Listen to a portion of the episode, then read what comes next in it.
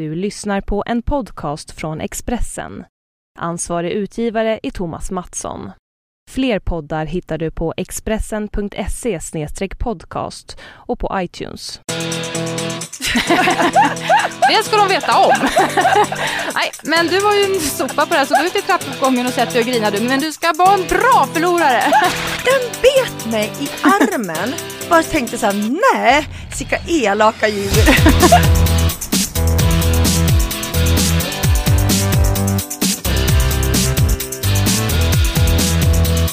Ja vad tusan, då kör vi! Jajamensan, det gör vi! Dags för Anna och Pam om sport och sånt. Avsnitt nummer, nummer 17. Eh, Pamela, välkommen hit säger jag så högtidligt. Ja men det är så härligt, vi som träffas varje vecka men det är ändå så här, välkommen hit! Jag gillar sånt. Hej, det här är Pam och välkommen hit Anna! Tack snälla du, alltid lika trevligt att vara här. Eh, du, du har lite eh, ont i handlederna för du har ju skrivit som en dåre här sista dagarna. Pamela har ju gett ut en väldigt, eh, en succébok får vi väl säga redan nu. Ja, jag är extremt stolt. Den säljer slut eh, överallt.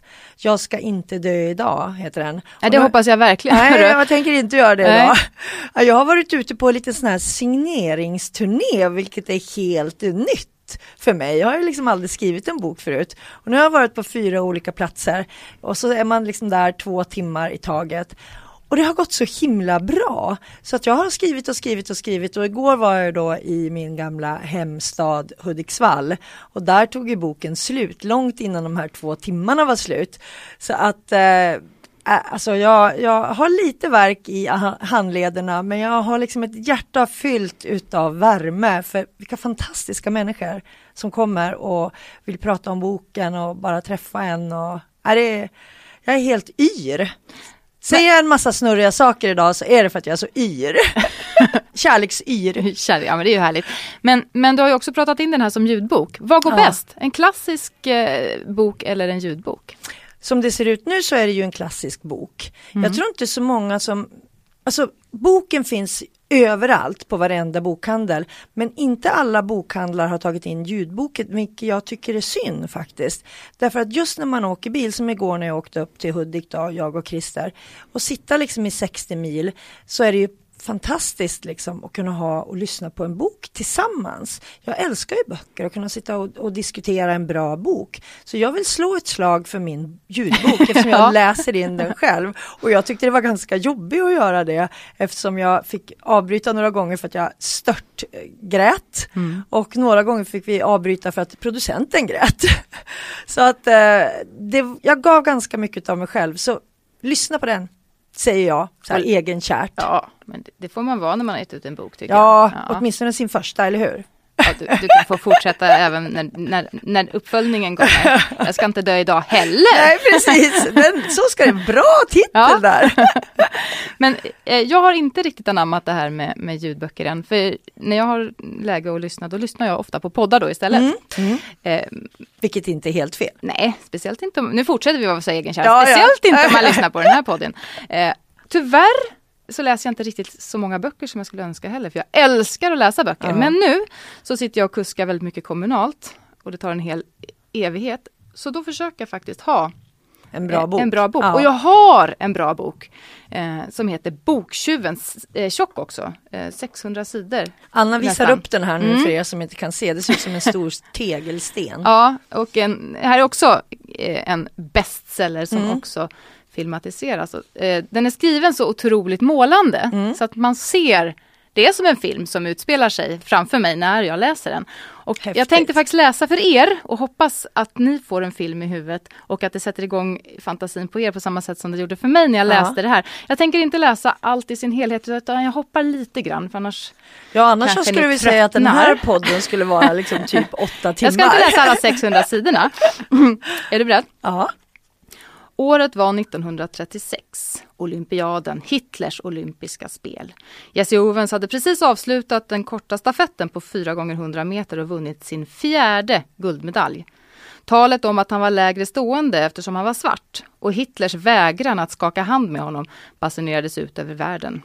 Till och med de mest rasistiska tyskar var förbluffade över Owens prestation och ryktet om hans bragd spred, spred sig som en löpeld. Men ingen var mer imponerad än Rudy Steiner. som är en av huvudpersonerna i den här boken. Då. Alla i hans familj satt tillsammans i vardagsrummet när han smög sig ut i köket. Han drog fram några kolstycken ur spisen och höll dem i sina små händer. Så där log han. Han var redo. Han smetade in sig med kolet i ett tjockt och härligt lager tills han var täckt av svärta. Till och med håret fick sig en omgång. Och nu hoppar du lite. Ja, nu hoppar jag lite. I väntan, nu har han cyklat då till idrotts... eh, Eller där Arenan. han har tänkt Ja. springa. I väntan på att det var dags vankade han av och an medan han samlar sin koncentration under mörkerhimlen. Oven ser ut att vara i god form, börjar han kommentera. Det här kan kanske bli hans största seger någonsin. Han skakade hand med de andra osynliga idrottsmännen och önskade dem lycka till, trots att han visste de hade inte en chans. Den första tredjedelen av loppen var det ganska jämnt, men det var bara en tidsfråga innan den kolsvärtade Owens drog ifrån och susade iväg. Owens leder! hördes pojkens gälla röst medan han sprang den tomma banan fram, rakt mot det skallrande publikjublet med olympisk härlighet. Han kunde till och med känna hur målsnöret snäppte itu mot bröstkorgen när han bröt rakt igenom det som nummer ett, världens snabbaste människa. Häftigt. Ja, och då undrar jag Pam, har du, när du, åtminstone när du var yngre, Mm. låtsats att du har varit någon stor idrottsman och levt dig in i, i det? Absolut. Jag har ju ända sedan jag var riktigt liten varit enormt fascinerad utav idrott. Och eh, liksom tillsammans med min pappa tittade på jättemycket idrott. Så att jag var, och det här har jag sagt för den som jag var, han lever fortfarande och jag träffar honom faktiskt lite då och då. Eh, och jag önskar att min pappa hade kunnat sett att vi faktiskt blev liksom Ja, så att vi kunde hänga tillsammans. För jag var alltid Ralf Edström, förstår du. Jag var liksom tjejen som satte på sig fotbollsstrumpor och drog dem väldigt högt upp utan benskydd och liksom hade fotbollsshorts och gjorde den här handen i luften eh, målgesten. Jag var alltid Ralf Edström och det var Ja men jag var nog fan lika bra som honom i mina tankar. Så att det, och det var häftigt då när jag har nu, han är också cancerambassadör så vi träffas lite då och då på luncher och jag brukar alltid säga det att liksom, då vill jag sitta bredvid Ralf för det känns speciellt. Det är säkert ganska många eh, som har varit just Ralf Ralf- Edström. Ja det Mm. tror jag kanske. Var du någon? Eh, ja, alltså Linda Haglund möjligtvis, men det jag minns Mm. mest det var att jag gick på gymnastik Mm. på tisdagar och torsdagar. Annars så tränade jag friidrott och det var friidrott jag satsade på. Nu var jag väldigt liten. Men då brukade min pappa hämta mig så joggade vi hem från gymnastiken Ja, till dit vi bodde. Eh, och då alltid på slutet så kommenterade han. Jag var alltid Anna Jernberg, men han var antingen Åsa Ramberg eller Sato Satoniemi som var mina två värsta konkurrenter. Och jag spurtade ju som en dåre och han höll jämna steg. Ja. Och nu kommer Sato Satoniemi på upploppet. Men jag tror att Anna Jernberg har det! Och jag sprang ju för livet varenda gång. Men det, det är ett sånt där barndomsminne jag har. roligt. Nu när du säger sådär, jag satt ju alltid och kommenterade eh, när vi åkte bil för min lillebror. Och då kommenterade jag liksom, jag bara hittade på matcher Mm. och satt liksom som en, en, ja, en radiokommentator i bilen då. Och så gick jag upp precis som du gjorde där. och nu kommer den igen och nu blir det så spännande! Och Roger, min lillebror som var fem år, han, var, han bara satt med stora ögon och älskade när jag var radiokommentator.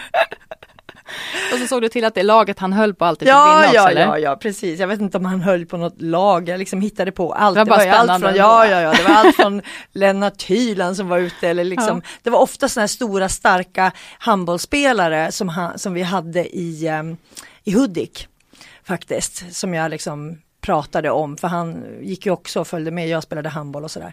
Och det tyckte han var roligt när jag pratade om dem. Som att de var ännu bättre än vad de faktiskt var.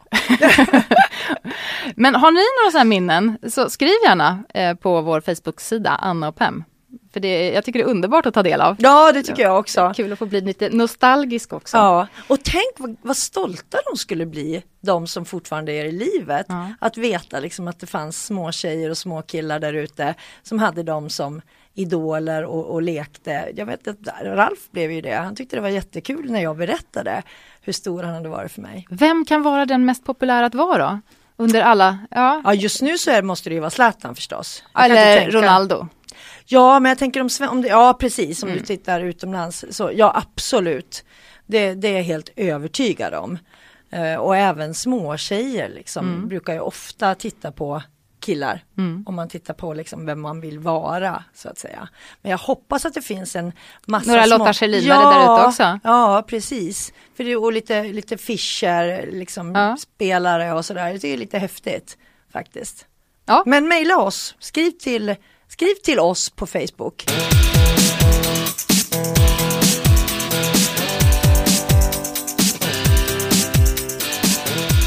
Vet du vad det är för stort mästerskap som pågår just nu?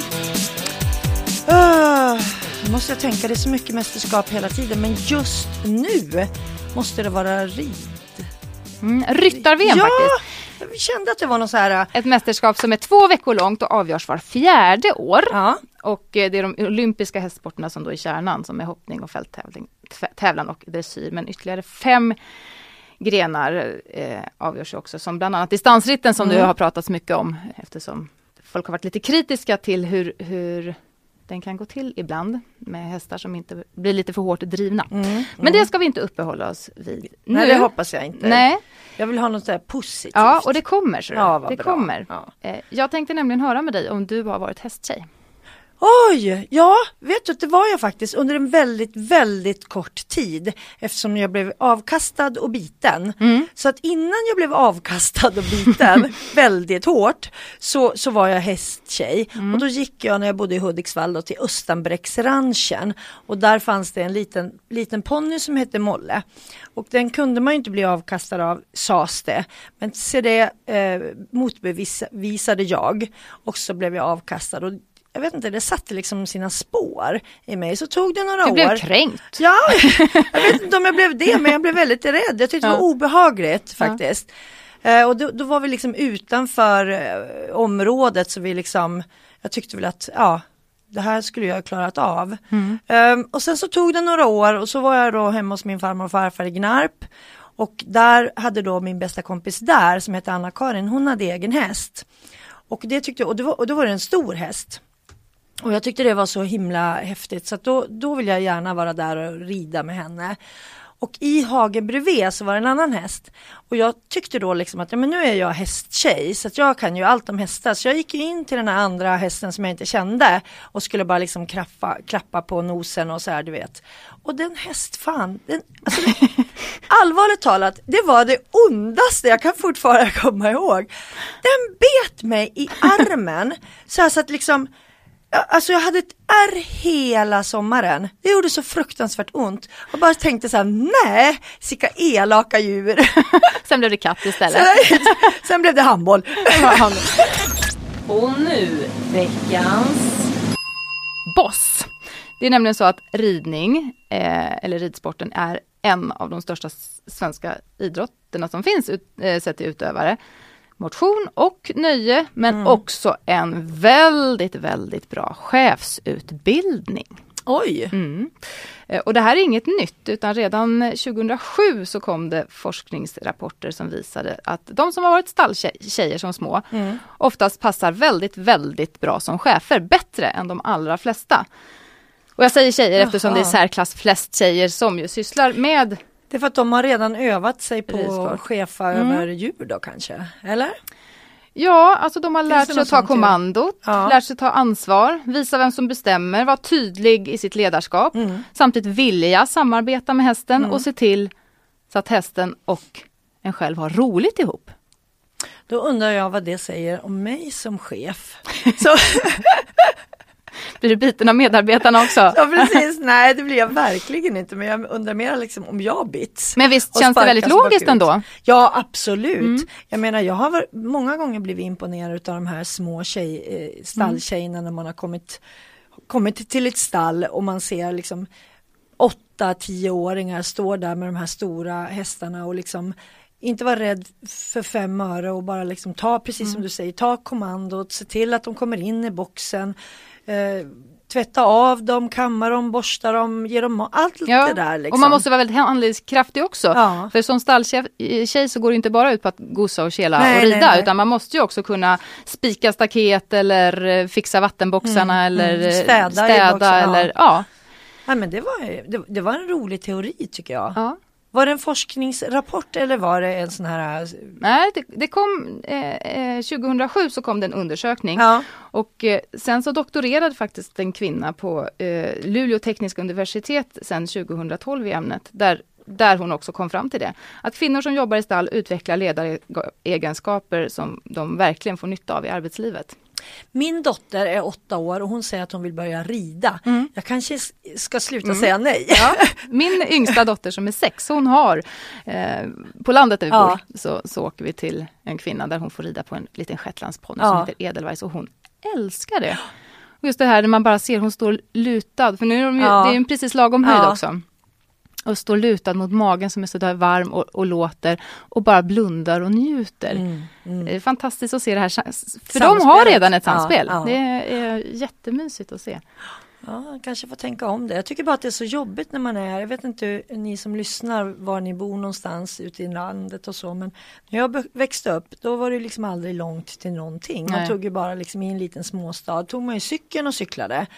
Bara man inte cyklade över E4 som min pappa sa då, så att liksom det skulle vara eh, farligt. Eh, men jag menar här i Stockholm, alltså var går man med sina barn om de vill rida då? Ganska mycket kö och väldigt dyrt. Är det Ja, faktiskt och så skulle man- Därför gör vi det man- på landet. Ja, Mm. och då vi som bor inne i innerstan då, liksom, var, var, då ska vi åka då till Haninge eller vad det nu är. Men det kan det vara värt förstår du. Ja, det blir hon- extremt dyrt och långa väntetider Ja. och eh, trafik. Jag bara känner så här, åh, Men vilka egenskaper hon utvecklar. ja, jag, jag hör ju det nu, jag får ju försöka tänka om här. Det, det, det retar mig nästan. Mm. Men du, en annan fråga som Ja. vi kanske inte heller ska uppehålla oss så mycket till, men bara en tankeställare med tanke på att majoriteten av de som rider är flickor, Ja. tjejer, kvinnor. Och majoriteten av som- chefer och ledare är ju inte av det könet. Nej. Och vad säger det då? Att man kanske inte har tagit hänsyn till, till att Jaha, har du jobbat i stall? Har du varit hästtjej? Det kanske man ska skriva på CV i sånt fall. Ja, Men när jag höll på och, och eh, läste om det här ja. Ja men jag är så nördig, jag älskar ju siffror och statistik. Jag Ja, snöade, jag jättebra. snöade Jag- in mig ja, alldeles. Och nu veckans... Siffror. Det här med att ridsport är en kvinnodominerad idrott. Mm. 92 procent ungefär Är av kvinnor, de som ja. håller, på, håller på med det. Och då har jag kollat här. Det finns alltså en idrott som är ännu högre procent av ett kön som sysslar med Jaha, Först- förstår du ja, vad jag ja, försöker förstår. säga? Ja, ja, ett kön som är väldigt dominant på en idrott. Vad kan det vara för idrott? Ja, då måste jag tänka efter då. Kan det vara att eh, killar spelar hockey? Ja. Ja! 95 procent. Ja, det kan jag tänka mig. Kan du det? Ja, det kan jag tänka mig. Men min dotter spelade hockey. Hon tyckte det var jätte, Mm. Ja, det är det jag vet. jätteroligt. Ja. Vi har ju gemensamma eh, bekanta också s- som Mm. har barn som spelar hockey. ja, som är tjejer. Ja. Som Men som sagt, det är ju, eller har åtminstone varit väldigt mansdominerat. Mm. Jag hoppas att det förändrar sig, för nu finns det ju till och med eh, sommarhockeyläger för tjejer. Jag vet eh, till exempel Maria Roth, eh, före detta landslagsstjärna i, i damkronorna. Hon har ju en hockeyskola, södra Sverige hade i somras, där det var flera barn och ungdomar från flera olika länder också. Och det tycker jag är så himla bra. Min kille gick ju i Leksands hockeyskola, det är en sån här klassisk eh, variant. Men där fanns det också några tjejer som var med. Och dessutom gillade jag att minst en ledare i varje grupp var tjej, Mm. tjejhockeyspelare. Mycket bra. Ja, så jag tror att det kommer att förändras men det har ju varit väldigt liksom tufft och det här Mm. med att du ska tacklas och, och allt sånt där som har varit liksom killarnas grej när de har växt Mm. upp sen. Men, eh, nej, jag tror det kommer. Och jag tror faktiskt att eh, Leif Bork kan göra stor nytta för han är så eh, publik Ja. och twittrar ju redan flitigt om, mm. om eh, damhockey. Mm.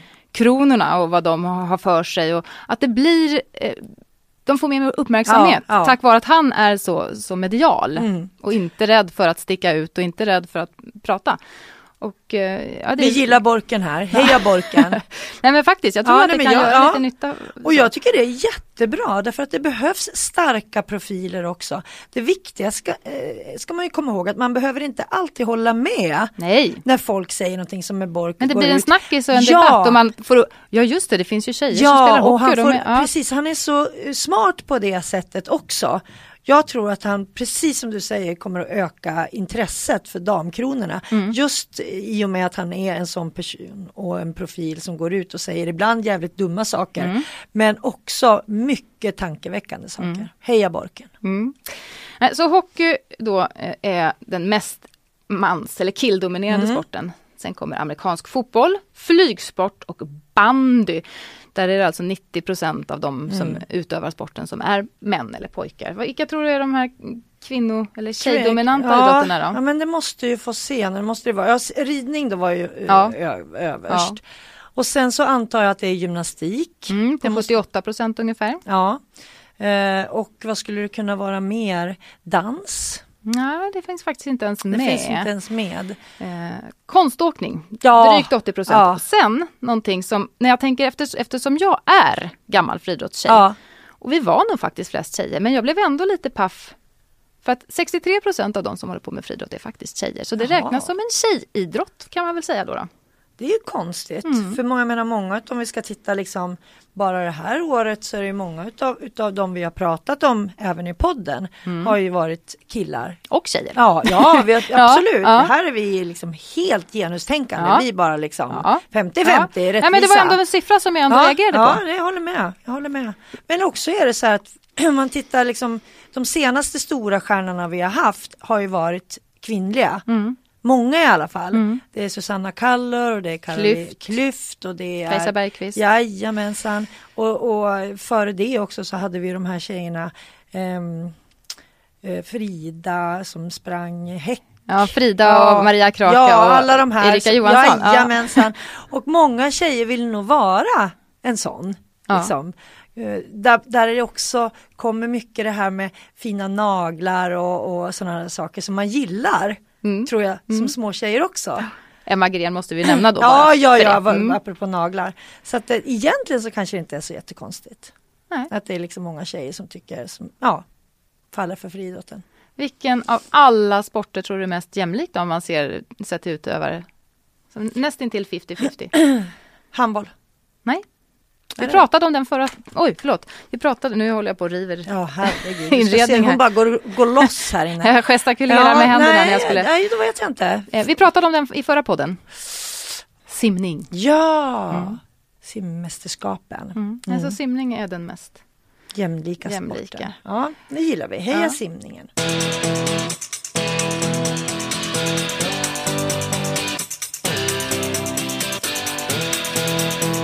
Bordshockey. det är så. Eh, Svenska bordshockeyförbundet har en hemsida där de har en rankinglista med 1200 namn. På 29 plats där så ligger en tjej som heter eh, Caroline Eriksson. Hon kommer från Hudiksvall och eh, eh, hon var faktiskt med lite grann på ditt och Christers bröllop bara för att eh, retas lite med din eh, numera make. Vill du berätta bakgrunden? Ja, alltså för grejen var för eh, förra sommaren så blev ju jag hedrande nog.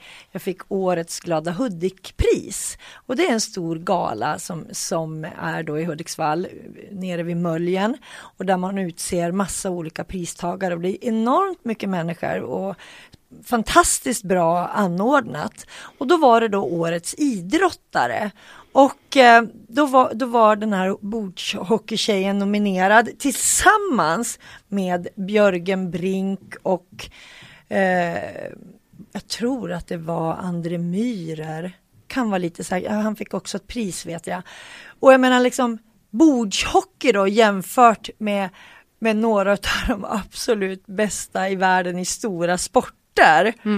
Eh, och längdåkning hon och alpin vann. det. Det Ja. var ju liksom, alltså vi trodde inte att det var sant faktiskt. Men det var ju visade sig att det var ju folket som röstade och eh, ja, Hudikborna och, och Dellborna, för jag tror att hon bor där, eller åtminstone tävlar för dem, eh, röstade friskt så att hon vann och vi tappade hakan liksom för alla de här stora faktiskt stjärnorna. Och sen så retades vi lite grann då med, med våra vänner i Hudik och sa att ja men den här stora bordshockeystaden liksom där alla går och, och kör bordshockey och sådär.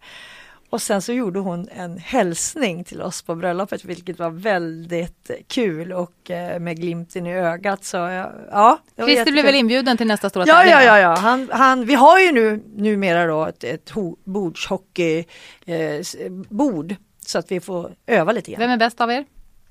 Tyvärr måste jag erkänna att det är Christer, men jag är jävligt bra. Mm. Jag ger mig ju aldrig. Nej, jag måste, om vi ska berätta lite om eh, Caroline Eriksson mm. då från Hudiksvall.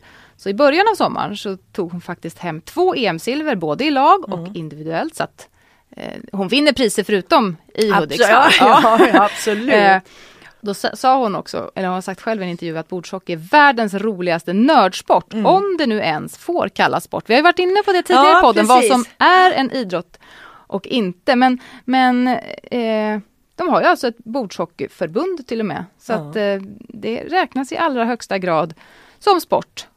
Ibland kallas det ju för schack i 100 100 km i timmen. Ja. Men, jag måste, och det är en svensk uppfinning måste jag säga. Är det det? Ja, det är en svensk ja. uppfinning. Men det som jag förvånar mig ändå, trots att ja, det här är ju också flest män ja. då, som håller på med det här. Och Caroline är då 29 i Sverige, men tvåa i, i Europa. Ja, ja. ja, mm. För då är det uppdelat. Men jag kan inte riktigt egentligen förstå varför herrarna är bättre och Christer är också bättre än vad du är. Ja, För här har du ju ingen, med fysisk, ingen fysisk prestation utan det är mycket simultankapacitet och det ska ju vi kvinnor vara fantastiska Nej, men Jag på. tror att det där handlar ju om och intresse och att eh, träna och öva. Jag menar jag är ganska bra på bordshockey. Mm. Eh, för jag tycker det är kul. Men många tjejer tycker inte att det är dugg roligt för att det är ju hockey och vi har redan pratat om hur stor procent män som spelar hockey mm. jämfört med kvinnor. Och det är ju samma sak då när du kommer med ett hockeyspel liksom. Att många tjejer då känner sig, men fan vad tråkig liksom. Oh, jag kan inte tänka mig något tråkigare. Jag går liksom och, och kollar på tv istället. Och så finns det killarna som älskar att plocka fram liksom lite iskalla öl och så kör de en... Och kanske också kommenterar samtidigt. Jajamensan, mm. ja. Så och menar, är någon ja, av spelarna ja, på planen. Så att jag menar, där tror jag bara att det handlar om intresse. För det är precis som du säger, det har ju ingenting med fysik, snabbhet eller mm. någonting att göra att killarna skulle vara bättre än oss på det. Utan det är mera att vi tjejer eh, föredrar någonting annat. Men rent rimligt så borde vi, om vi nu skulle få upp intresset och öva jättemycket, för det är ju som med allt att det handlar om träning. Ja, Så borde det ju kunna bli en riktig kvinnosport. Ja, absolut. men ja, men det, det, är, det är ju kul. Det, ja. det är faktiskt roligt. Just när man är ett gäng. Mm. Sådär. Vi spelade uppe i Tällberg då i vintras. När det var liksom snö ute och du vet iskallt och sådär. Och, och spela i mörkret och kanske ta ett glas vin eller någonting. Det är, det är faktiskt lite roligt. man blir liksom, man blir barn på nytt ja, och fast jag är jättekass för jag blir så nervös. Och så står jag där och viftar med, fast med fel gubbe för ja. jag glömmer att byta spak. Och, ja. Ja. ja men det är så himla kul. Och vi gick ju in så mycket i det här jag och Christer så att vi vägrade ju liksom det här med att låta barnen vinna ibland för att de ska bli glad. Det fanns ju inte på kartan. Nej, vi hade två småpojkar som satt och grät i trappan liksom för de hade för de hade förlorat, de var jättedåliga förlorare. Så fick vi försöka förklara för dem liksom att när man förlorar så måste man ta det som en vuxen person. Mm. Liksom, och försöka fundera på vad gjorde jag för fel, vad kan jag göra och att det är bättre att vara en god förlorare och gratulera den som var bättre och sådana här saker. Så man kommer in på ganska mycket faktiskt. Ja och vara en bra vinnare också, man ja. kan ju vara en usel ja. vinnare. Ja, ja, ja, ja. Som, som ska, trots att man har vunnit ska gå runt och psyka och ja, liksom retas. Och... ja, ja. Nej, det, det, finns mycket man kan göra med bordshockey inser jag mm. nu. Ja, Hoppas eller, att Christer lyssnar på det här. eller, ja, oavsett, jag tänker dig, eh, för du säger att ni lät inte era barn vinna. Ja, Men är du så i andra, i Fia med knuff och ja, i springtävlingar och allting? Ja. jag med. Nej men jag, ja, men tror jag inte på, varför ska jag curla barnen på det sättet? Liksom? Ja men det blir en förljugen verklighet också. Ja, Om så... de plötsligt tror att de är snabbare än mamma, ja. sen kommer till skolan och är bara tia. Ja, men jag kommer ihåg blir, nämligen när ja. jag var liten och spelade, för jag gillade ju då som ni har förstått fotboll med tanke på att jag eh, avgudade Ralf Edström. Och när jag spelade fotboll med pappa och hans kompisar, då körde de. Så att vi, förlor, vi, liksom, vi förlorar ju nästan alltid. Och någon gång då så var det några som liksom, ja men nu ska vi låta barnen vinna. Det var inget roligt alls. För då visste vi, alltså den segern betydde ju ingenting. Nej. Och det var så himla tråkigt. Jag, kommer tror ihåg- barnen genomskådar också Ja, men det man är här, inte det här gör är inget kul. bästa. De gör inte sitt bästa. Men då är det ju bättre i sånt fall att, att man har någon typ av handikappsystem. Ja, det nu ska vi springa, nu Ja. ska vi springa, du får springa 60 meter, jag springer 100. Ja, ja. Vi startar samtidigt och då är det, då får man ju själv ge järnet för att Ja, ha en ja, chans. ja, ja. Liksom. ja nej, sånt... Eller om man åker skidor eller Ja. nerför eller vad det nu men jag ju, tror ju att man gör barnen otjänst Jag genom det. Mm. att liksom låta dem vinna när de faktiskt inte är bra. Det ska de veta om. Nej, men du var ju en sopa på det här så gå ut i trappuppgången och sätt dig och grina du. Men du ska vara en bra förlorare. Byt sport! Mamma är för bra i det här. Nej men sen är det väl bra tror jag någonstans också att de ser att, alltså, att de ser att eh, ens mamma är duktig på någonting. Eller ja. hur? Ja, absolut. Det kanske blir en stolthet. Min mamma är grym i bordshockey. Ja, ja Eller hur? Ja. Ja. Och då, jag tror att mina barn så här, de, de vet att jag var rätt, ja men ganska bra eller riktigt bra i handboll. Ja. Det tycker de är stort liksom. Faktiskt. Och en mamma, Mia, eh, när vi hade fotbollsturnering förra sommaren, då hon stod i mål. Och eh, jag menar hon är nästan 50 år, 49. Och när vi spelade då vuxna mot barn, jag var då domare eftersom jag liksom hade så ont i kroppen redan då. Så kastade hon sig och tog liksom en sån här helt oslagbar, alltså det gick inte att rädda. Och hon kastade sig precis som hon skulle ha varit 29 liksom. Och räddade, och, alltså det pratar våra barn om än. Att liksom Johan och Willes mamma, hon är den bästa målvakten. Och liksom det är så Ja, häftigt ja. att hon gjorde det och att vi kunde göra det tillsammans och att ingen gav sig liksom. Ja, Det var så häftigt, vi pratar om det fortfarande.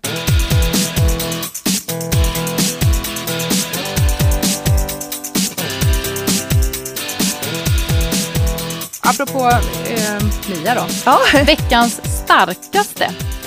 En annan sport som kanske inte får så jättemycket medial publicitet men där vi svenskor dominerar. Först var det ju Heidi Andersson, vet du, armbryterskan från ensamheten, Från som ju ensamheten. är gift med, med Björn Ferry. Vi pratar nämligen armbrytning nu.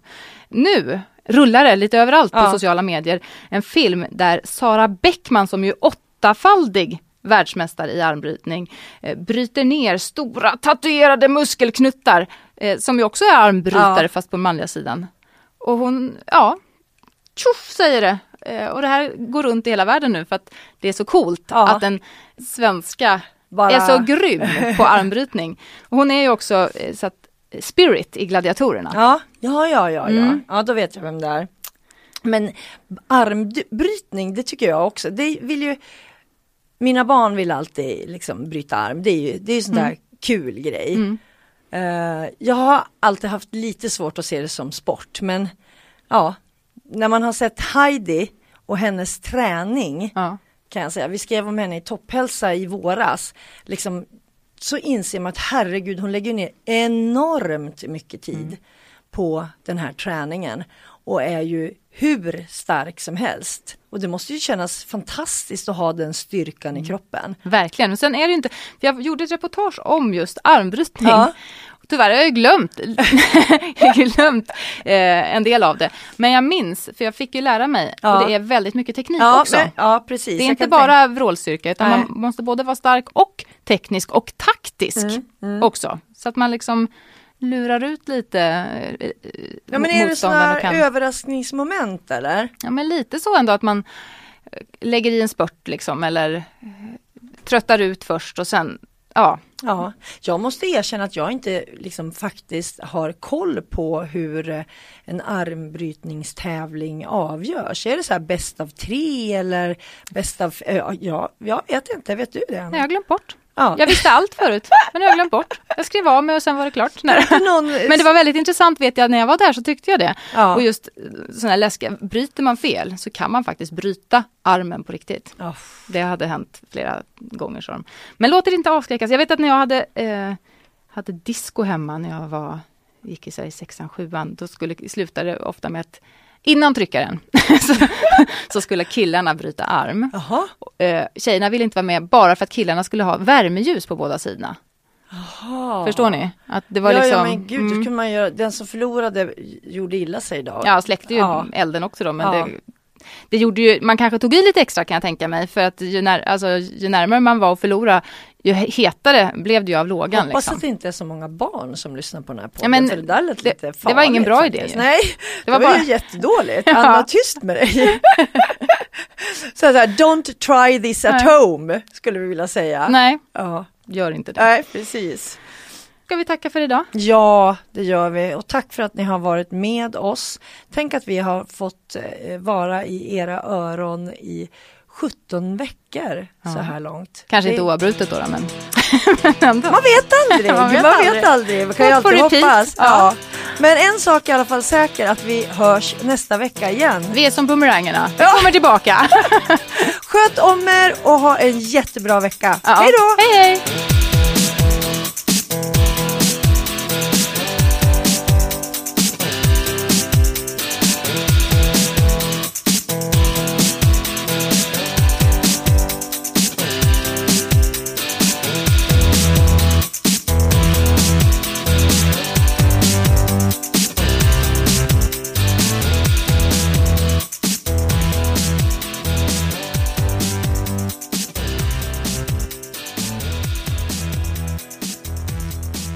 Har lyssnat på en podcast från Expressen. Ansvarig utgivare är Thomas Mattsson. Fler poddar hittar du på expressen.se podcast och på iTunes.